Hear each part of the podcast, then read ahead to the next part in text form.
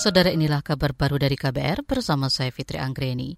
Perhimpunan Hotel dan Restoran Indonesia PHRI menyesalkan sikap pemerintah yang kembali menetapkan aturan baru pembatasan jelang libur Natal dan Tahun Baru Nataru.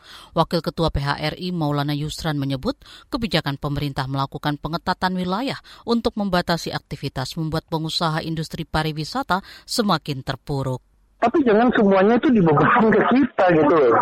Orang sudah reservasi jauh-jauh hari, tiba-tiba di cancel kayak gini, diras semua kan siapa yang nanggung? Pemerintah kan cuma hanya mengeluarkan kebijakan, ya udah pokoknya biarin aja dibatalkan, nggak tahu gimana mekanismenya. Nanti paling dikatakan udah biarin ini batal, pokoknya batal, pokoknya begini, dibuatin kebijakan supaya nggak ada kisru ini sekarang. Tapi persiapan kami ini mau dari mana lagi? Wakil Ketua PHRI Maulana Yusran menyebut pengusaha berjuang keras untuk bisa bertahan di tengah situasi ini karena sudah 10 bulan sektor pariwisata tidak menghasilkan untung. Ditambah lagi pengusaha tetap dibebankan pajak dan harus membayar pengeluaran lain untuk biaya operasional. Organisasi Kawal COVID-19 mempertanyakan efektivitas vaksin yang mampu mencegah transmisi atau penularan. Sejauh ini, Indonesia baru mendatangkan vaksin Sinovac dari China. Anggota Kawal COVID-19 Giovanni Van Empel mengatakan, data yang ada menunjukkan bahwa vaksin COVID-19 hanya mampu memunculkan imunitas, belum sampai ke pencegahan transmisi.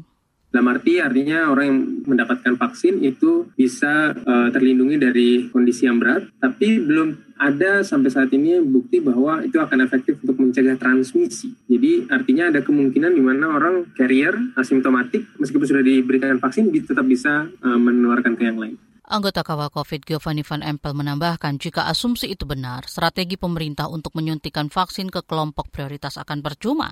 Pemerintah sebelumnya merencanakan akan memberi vaksin ke kelompok prioritas seperti tenaga kesehatan dan pekerja, serta usia 18 sampai 59 tahun.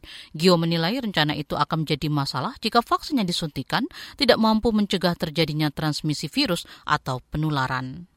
Pemimpin Eropa bergegas melakukan tes COVID. Tes dilakukan setelah Presiden Perancis Emmanuel Macron positif COVID-19. Dalam beberapa hari ini, Kepala Pemerintahan Uni Eropa tengah menggelar sejumlah pertemuan. Macron bergabung dengan semua pemimpin Uni Eropa pada pertemuan puncak di Brussels akhir pekan lalu untuk membahas perubahan iklim anggaran Uni Eropa dan Turki. Setelah dinyatakan positif, Presiden Macron menjalani karantina. Seluruh aktivitas pemerintahan dijalankan dari tempat peristirahatan Presiden seorang pejabat pemerintah seorang pejabat pemerintah menggambarkan Macron lelah dan batuk. Kantor Macron menolak memberi rincian lebih lanjut tentang kondisinya atau gejala yang dia alami. Sementara itu istrinya dinyatakan negatif tetapi juga mengisolasi diri di tempat berbeda. Demikian saudara kabar baru dari KBR, saya Fitri Anggreni, salam.